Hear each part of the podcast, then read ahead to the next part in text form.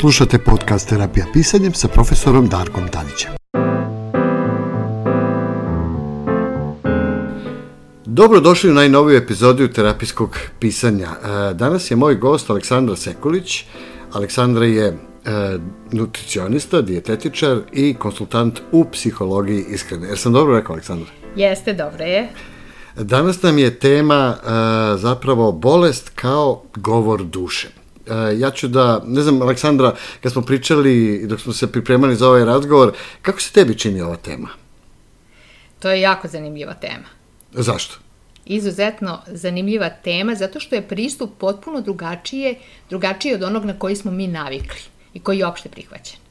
Da, a, mislim da će biti interesantno, a, ja bih malo da ti pričaš sa pozicije nutricioniste i psihologije ishrane praktično, a ja malo da dopunjujem sa pozicije terapijskog pisanja, da zapravo nekako probamo da stignemo do nekog zaključka da li bolest može da bude govor duše ili je bolest nešto što nas zadesi što god mi radili. Šta ti misliš o tome? Uvek je onako kako mi verujemo da jeste. Ali treba probati drugačije razmišljati i videti šta zapravo bolest predstavlja, zašto se bolest pojavila. Jer ako počnemo da je posmatramo kao bolest, kao govor duše, tada možemo da vidimo potpuno novu sliku sebe. To je jako interesantno. Ja recimo kad sam razmišljao o ovoj emisiji, nekako sam uh, imao ideju da postoje neke bolesti koje su recimo da kažemo, van nas u nekom standardnom smislu, u smislu virusi, bakterije ili neke traume koje nas zadese, jel? polomimo nogu, neke prelomi, šta ja znam i tako dalje, a da dobar deo drugih bolesti, naročito oni koji su recimo autoimune, to je jako interesantna tema, recimo, zašto se te bolesti javljaju i kakve su one, kako su u vezi one sa dušom? Kako je tvoje neko iskustvo ili stav prema tome? Pa, interesantno je kako se bilo koje bolesti pojavljuju kroz simptome. I sad ću govoriti zaista generalno o, o, o svim bolestima. Pojavljuju se kroz simptome. A šta su simptomi? To su zapravo poruke koje nama šalje naša duša putem tela. A mi to obično želimo da ugušimo. Mi simptome prosto hoćemo da eliminišemo i mislimo da smo rešili problem. I tako uglavnom i funkcioniše zapadna medicina. Da, ona praktično se bavi simptomima. Bavi se simptomima. I to je Ridiger Dalke jako lepo pisao. To kaže kao kad vam se upali lampica na automobilu koja signalizira da nešto nije u redu i vi uzmete i izvadite tu lampicu, ona više ništa ne daje nikakav signal i mislite da ste rešili problem. A problem i dalje postoji. I to je način na koji nama naša duša zapravo šapuće kroz telo da se nešto u nama dešava, na šta treba da obratimo pažnju. E sad, e, ja ću govoriti iz ugla ishrane. Ako imamo neki izazov sa ishranom, veoma je moguće da postoji nešto u našem životu što treba da promenimo. Aha, znači, da li, e, kada kažeš e, ishrana, Da li e, misliš da recimo ishrana može da nas leči ili da spreči pojavu raznih ovaj bolesti, opet kažem naročito ovih autoimunih koji nekako mi najviše liče da to zapravo naše misli stvaraju, način života zapravo stvaraju bolest, uh, ili, uh, ili je ishrana magični lek za sve. Danas mi živimo u nekom društvu koje zapravo toliko je obsednuto ishranom, uh, da misli da će zapravo, ne znam, vegetarijanski način života, keto dijete, kineska studija, ovi razni svi ovi programi, da će zapravo da spreče da se mi ikad razbolimo ili čak da nas i potpuno izleče. Kakav je tvoj stav kao nutricionisti i psiholog u tom, u tom smislu? Da bi ga objasnila, ispričat ću jednu jako zanimljivu priču o Normanu Kazinsu, koji je poznat po tome kako se izlečio smehom od jednog teškog oblika artritisa. Imao je jedno veoma stresno putovanje, kada se, poslovno, kada se vratio, oboleo je od artritisa i doktor mu je rekao da prognoze nisu dobre. Na pitanje kakve su, koliko, da li se neko potpuno oporavi, on je rekao da je poznato da se od 500 ljudi jedan čovek oporavi, ali da on nije nikad u svojoj karijeri video tog jednog koji se oporavio. I onda je uh, Cousins razmišljao, pa kaže, Ako je stres izazvao bolest, onda verovatno e, ono nešto suprotno može da je izleči. I onda je krenuo da, izašao iz bolnice, svojevoljno je napustio bolnicu i počeo je da gleda, otišao, u hotel da živi, tamo se preselio, okružio se ljudima koje voli, svojim prijateljima. Lekar mu je bio njegov lični prijatelj koji ga je lečio megadozama vitamina C, a gledao je filmove braće Marks, komedije i non stop se smejao. Neprestano se smejao i u trenucima kad imao strašno jake bolove, kaže da je 10 minuta tog smeha grohotom od srca njega poštedelo dva sata bolova onda kada ništa drugo nije pomagalo. I on se zaista izlečio. Da, to je vrlo interesantno. Ja kad radim sa mojim klijentima, kad radim ja na sebi ili sa mojim klijentima, kad recimo pišemo terapijske vežbe u terapijskom pisanju, e, insistiram da oni zapravo nauče da komuniciraju sa sobom. E, ne samo da osluškuju svoje telo, znači da imaju svest o tome da su uvek, kako se moderno kaže, svesni ili da imaju taj awareness razvijen, već da naprave dvosmernu komunikaciju, znači da pišu, izbacuju iz sebe ono što ih muči, da to sagledavaju i onda ponovo da vraćaju to kroz promenu načina razmišljanja. To je u tesnoj vezi nekako sa ovom našom temom i e, nije to baš tako lako na početku, pogotovo da se taj koncept uh, usvoji. Ali kada je u pitanju ishrana, uh, koliko smo mi zapravo ono što jedemo? Pa, treba da posmatramo ovako. Mi jedemo hranu i varimo hranu, ali varimo i sve ostalo. Varimo emocije, iskustva i sve ono što proživljavamo. Sve to treba da bude svareno. E, čak kad, kad, kad razmislimo kakav je naš jezik, pa onda kažemo za nekog koga ne podnosimo, ne mogu da ga svarim. Koristimo tu vrstu izraza koje koristimo inače u ishrani. I to je zaista tako. Jer ukoliko mi ne svarimo sve to, to će ostati negde nesvareno i napravit će nam neku situaciju sa zdravljem. Tako da je jako važno, i, i, i to je Cousins rekao, te, u direktnoj je vezi ono što mislimo, ono što jedemo ono što radimo sa našim zdravljem. Sve to stvara jedan skup uverenja, a od tih uverenja kasnije zavisi da li ćemo mi biti izlečeni. To je ono što ja volim nekada da kažem, ovaj, znači sve to zapravo se piše u knjigu života. Ako nismo svesni naše knjige života, onda smo prilično promašili ovaj, odnos prema sebi i generalno odnos prema zdravlju. Um, postoji model koji kaže, ovaj, i to baš piše u ovom tekstu koji sam ti poslao, i to mi se dopalo, da je zapravo, da ljudi usvajaju nesvesno taj takozvani gambling model zdravlja. Znači, e, pa onda kažu, ne znam, neko je pio, pušio, bludničio, jeo i doživao je 90 godina, a neko se celog života pridržavao pravila zdrave hrane, pravila mirnog života, pravila ne znam ovog i onog i onda umre u 40. E, prosto mislim da ta vrsta zablude, da li je čovjek ako tako to shvati i kaže pa dobro sve je kocka, onda baš me briga? Pa mislim da ipak nije baš tako. E, ako čovjek zaista voli sebe, a danas je ljubav prema sebi jedna tema o kojoj se mnogo govori, onda neće sebe izlagati nečemu što će ga dovesti u situaciju da se ne osjeća dobro i da život krene u nekom pravcu koji nije dobar.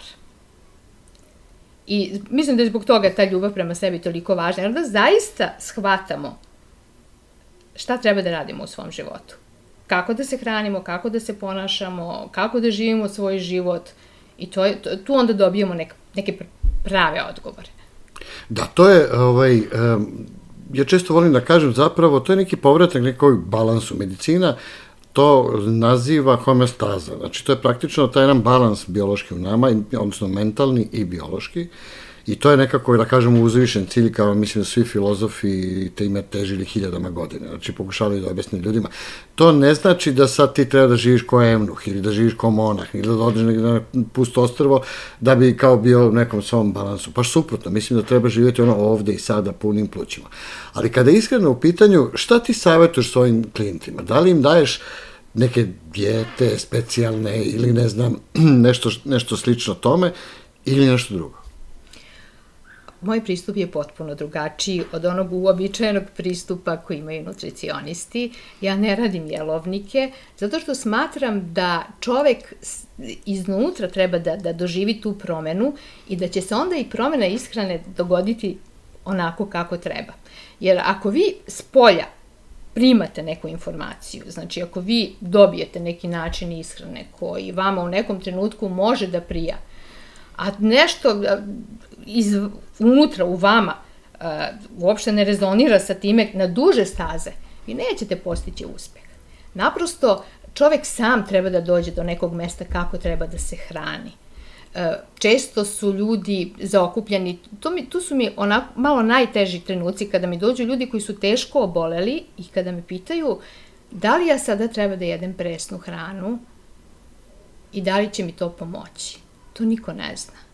To niko ne zna zato što je u ogromnoj meri uh, rezultat u tome u šta verujemo. Čemu mi u stvari verujemo, šta verujemo da će nam pomoći. I to je ono što je zaista tako. Aha, tu dolazimo do one ideje koja je inače i u osnovi moje terapijske, uh, moje terapijske metode pisanja, to su zapravo ta uverenja. Yes. E, ključ je očigledno, ja se stalno vrtim ko mačak oko kaše oko toga, zapravo ključ je u tome da naš sistem uverenja, svi mi imamo neka i, i pa, pravilna i pogrešna uverenja, te zvane programe koje dobijemo od najranijeg detinstva, od okoline roditelja i td. itd. pa društva, medija danas i šta znam ovaj, da zapravo taj sistem uverenja predstavlja naš pogled na svet. Znači, to je ono što, kako mi vidimo sebe i druge, jel? Tu je ključno. Kako tu se uhrapa, dakle, ishrana kao takva? Ishrana i tekako ima neka svoja toksična uverenja koje utiču na ljude, a to je da treba da se hranimo na određeni način, da, treba, da je neka hrana dobra i loša. Prvo, podjela hrane na dobru i lošu je prilično pod znakom pitanja. Mi hrani dodeljujemo neke osobine koje ona ne treba da ima. Ona hrana je neutralna. Pitanje je kako, ćemo je, kako će ona da deluje naš, na naš organizam. Zatim, masti su loše, masti na tanjiru su masti u mom telu. E, moram da nađem idealan način ishrane ili moram da pronađem, moram da dostignem idealan broj kilograma, jer ću jedino tada biti sretna i zadovoljna.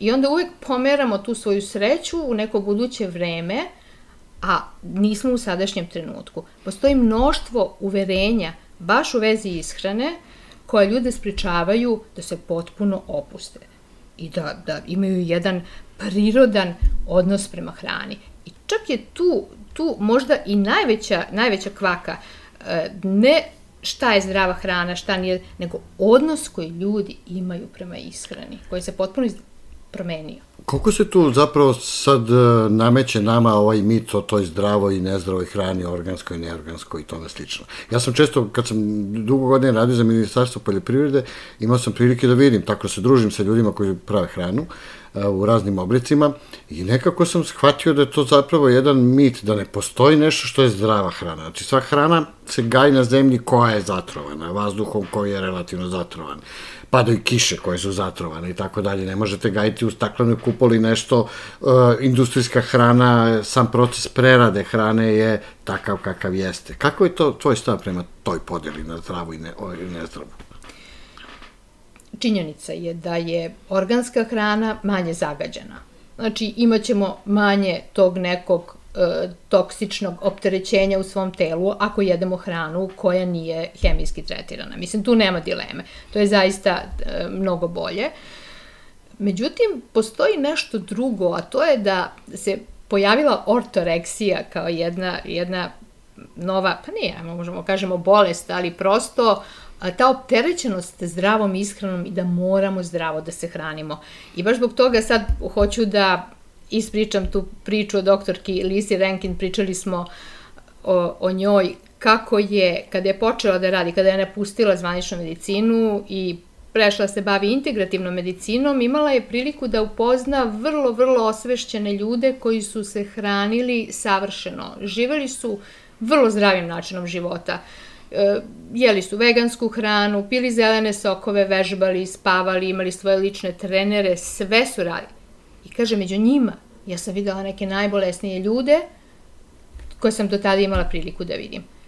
I nije mi bilo jasno, mom lekarskom, logičnom umu nije bilo jasno šta se tu dešava. Ako su oni bolesni, pa šta će biti sa nama ostalima? Šta mi ostali treba da kažemo? I onda je krenula da priča sa njima. I onda je promenila pitanja. I onda je rekla, ajde recite mi, šta, čemu vaše biće unutrašnje kaže ne? Kako vi mislite, šta vi mislite da bi vas izlečilo? I onda su samo odgovori krenuli da stižu. Onda neko je rekao, pa hoću da dam otkaz. Neko je rekao, hoću da izađem iz te toksične veze, iz tog braka. Hoću da upišem umetničku školu, da se bavim poslom kojim volim. I onda kada je oni malobrojni koji su zaista smogli snage i hrabrosti da naprave takvu promenu, oni su počeli da se isceljuju. I onda je ona rekla, pa ja tu ništa kao lekar nisam uradila. Ja sam njima samo postavila prava pitanja. Da, to je očigledno ključ. Yes. Tu se negdje kriju ključevi, da tako kažem. Znači, opet se ono vraćamo. Znači, kada si rekla psihologija u ishrani, to je zapravo uverenje naše. Yes. Znači, naši stavovi ne samo o hrani, nego svemu što nas okružuje, poključujući same sebe. To ono što ta reč, ja ne volim da koristim kad ljudi kažu rad na sebi, to se toliko izraubovalo da više, ali nekako ne mogu da izbjegnem. Ali zapravo podizanje svesti, učenje stalno, znači i provera toga u realnosti, znači to je po meni negde, tu se kriju znači, neki odgovori na ova pitanja, ona, ona čuvena maksima koju ja jako volim, pa ću sad da i kažem, znači kakve su ti misli, zapravo takav ti je život. Koliko god to raubovano izgledalo ili ne znam, pogrešno se tumačilo. Jer se tu ovaj tvoj koncept pristupa iskreno uklapa. I te kako se isklapa. Zaista je tako. Zaista je tako. Jer e, nekako kada, kada shvatimo da je čak i izazov sa iskrenom deo ličnog razvoja, deo našeg puta, onda ćemo potpuno drugačije početi da posmatramo sve to što nam se dešava. Vrlo često ljudi koji uporno pokušavaju da skinu kilograme ili imaju problem sa, sa prekomernim jedenjem, zapravo imaju ne, neku potpuno drugu temu kojom treba da se bave. To uopšte nije program Da, njima je zapravo prejedanje samo simptom. To je samo simptom, upravo to. Upravo to je, to je šapat duše da tu nešto treba da se promeni, da nešto nije u redu. To će za svakog čoveka da bude drugačije. Za nekog će hrana biti najpribližnija, dostupna zamena za nešto što mu u životu nedostaje. Kad smo bili bebe, kad smo se tek rodili i, i šta nam je nedostajalo? Hrana, tu je majka koja nas je nahranila, naš nervni sistem se tek razvija i mi smo tu sve nešto maglovito onako spojili majka, hrana, ljubav, dobro nam je, lepo nam je. I mi smo to negde, taj model zadržali i danas i kad nam nedostaje ljubavi, vrlo lako će se dogoditi da ćemo da posegnemo za hranom i za tim zadovoljstvom ko, koje nam donosi zato što smo negde zapamtili da je to ono što nam treba. Da, praktično hrana je kao neka vrsta, da kažemo, magične pilule koju mi očekujemo od doktora, nikad je ne dobijemo, da reši naše probleme. Tako da je to zaista, nažalost, i sve ove kako bih rekao, moderne dijete i tako dalje, oni se zapravo bave samo simptomima. Znači, praktično, izbaci ovo, ubaci ono, ne znam, levo, desno, e, zabavljaj se, nemoj da misliš, što kažemo u slučaju, recimo, ljudi koji patio od depresije, od anksioznosti. Znači, nebavljanje sobom, neslušanje sebe, I onda, znači, e, kada smo mladi, naš organizam se nekako relativno uspešno bori, metabolizam nam radi, jer smo tako fiziološki spremni za sve to. Međutim, godine dolaze, vreme protiče i onda počinje bolest, u stvari naša duša počinje da nam šapuće, šta nije u redu, ali tada nažalost, za mnogo ljudi i dalje kasno, znači oni nikako da osveste tu priču i onda e, nas ova takozvana savremena medicina krpi, jeli, simptome nam ovaj odseca, umanjuje i tako dalje, a zapravo on uopšte se ne bavi tobom kao ličnošću, niti dublje ide u to gde su zapravo pravi uzroci. Potrebna je hrabrost da ljudi priznaju sami sebi da treba nešto da preduzmu. To je ono što je u stvari, gde, gde, što je najteži deo posla. Znači da svako od nas shvati da je odgovoran za, za svoj život i za svoje zdravlje i da, ga, da, da preuzme u svoje ruke sve ono što može i da napravi taj rad, znači da, taj rad da sebi, jer, koji, koji je toliko spominjan, ali to je zaista neophodno. Neophodno je da se uradi, da vidi šta je to sa mnom, šta je to što ja treba da uradim za sebe. Ne da neko drugi uradi za mene, ne da mi neko napravi program ishrane, ne da mi doktor kaže šta treba da uradim. Šta je to što ja sam osvestim? Jer tek kad osvestimo šta treba da uradimo, tada možemo da napravimo kvalitetnu promenu. Dok ne osvestimo, nema kvalitetne promene. Jer kad vidimo svi ljudi koji su uspeli da se iscele, da se izleče, i od ozbiljnih bolesti, i od manje ozbiljnih bolesti, ljudi koji su uspeli da smršaju i da zadrže tu novu kilažu kroz duži period, to su ljudi koji su doživjeli jednu unutrašnju promenu i koji su osvestili neke stvari u sebi koje su dugo tu čučale i onda je došlo do isceljenja.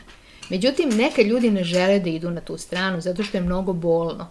Zato što uh, ako nam nešto nedostaje i ako smo svesni da smo na poslu na kome ne možemo da damo otkaz jer nam od toga zavisi egzistencija, a da nam to pravi stres i da smo od toga bolesni, ili ako smo svesni da ne možemo da izađemo iz nekog odnosa, onda uh, to, to je zaista vrlo, vrlo subtilno. Zbog toga mi je jako, jako drago da postoji već danas toliko mnogo psihoterapeuta i ljudi koji se bave time, koji će pomoći ljudima kada dođu u takvu situaciju, kada ne znaju šta sami treba da urade, da im pomognu da pronađu svoje odgovore time što će im postaviti prava pitanja. Da, i tu zapravo se onda vraćamo na početak. Po mom iskustvu, znači, e, svi programi koji postoje, od joge, meditacije, ishrane, pisanja, e, što god, znači, e, uvek se vratimo na tu istu tačku, a to je zapravo trenutak kada mi moramo da uzmemo stvari u svoje ruke, a to je jako teško, to moraš priznati. Jeste. I tu većina zapravo od naših ljudskih pokušaja propadne. Ja znam puno ljudi koji godinama idu na psihoterapije ili su godinama pod lekovima ili se godinama muče sa ovih jednim istim problemima, a to je zato što zapravo kada dođe onaj kritični moment da ti moraš da delaš, a to boli, to mnogo boli, znači to, to, to zahteva jedan krik duše, znači da, da, da izađe napolje, ovaj, i onda su tu zapravo svi pokušaj propadnu, znači u samom startu. Tako da je to, ja mislim, dobra poruka za ovaj naš kraj. Znači, u, ja uvek volim da kažem mojim klientima, uzmite svoj život u svoje ruke. I to je najbolji savjet koji može bilo ko da vam da. A najbolji početak je upravo pisanje. Svako ko voli da piše.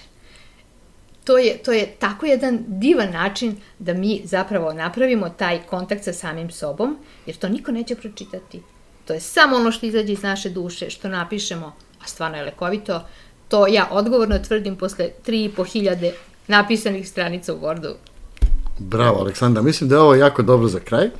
Hvala ti što si bila moj gost danas. Hvala tebi što si Nadam se da ćemo se družiti i u buduće sa opet nekom zanimljivom temom. E, hvala još jednom. E, slušajte podcast Terapija pisanjem. Možete nas pronaći na sajtu terapijskog pisanja www.terapijapisanjem.com i do slušanja.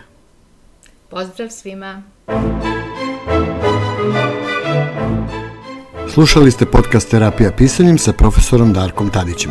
Pratite nas i u sledećim epizodama na našem sajtu www.terapijapisanjem.com. Do slušanja!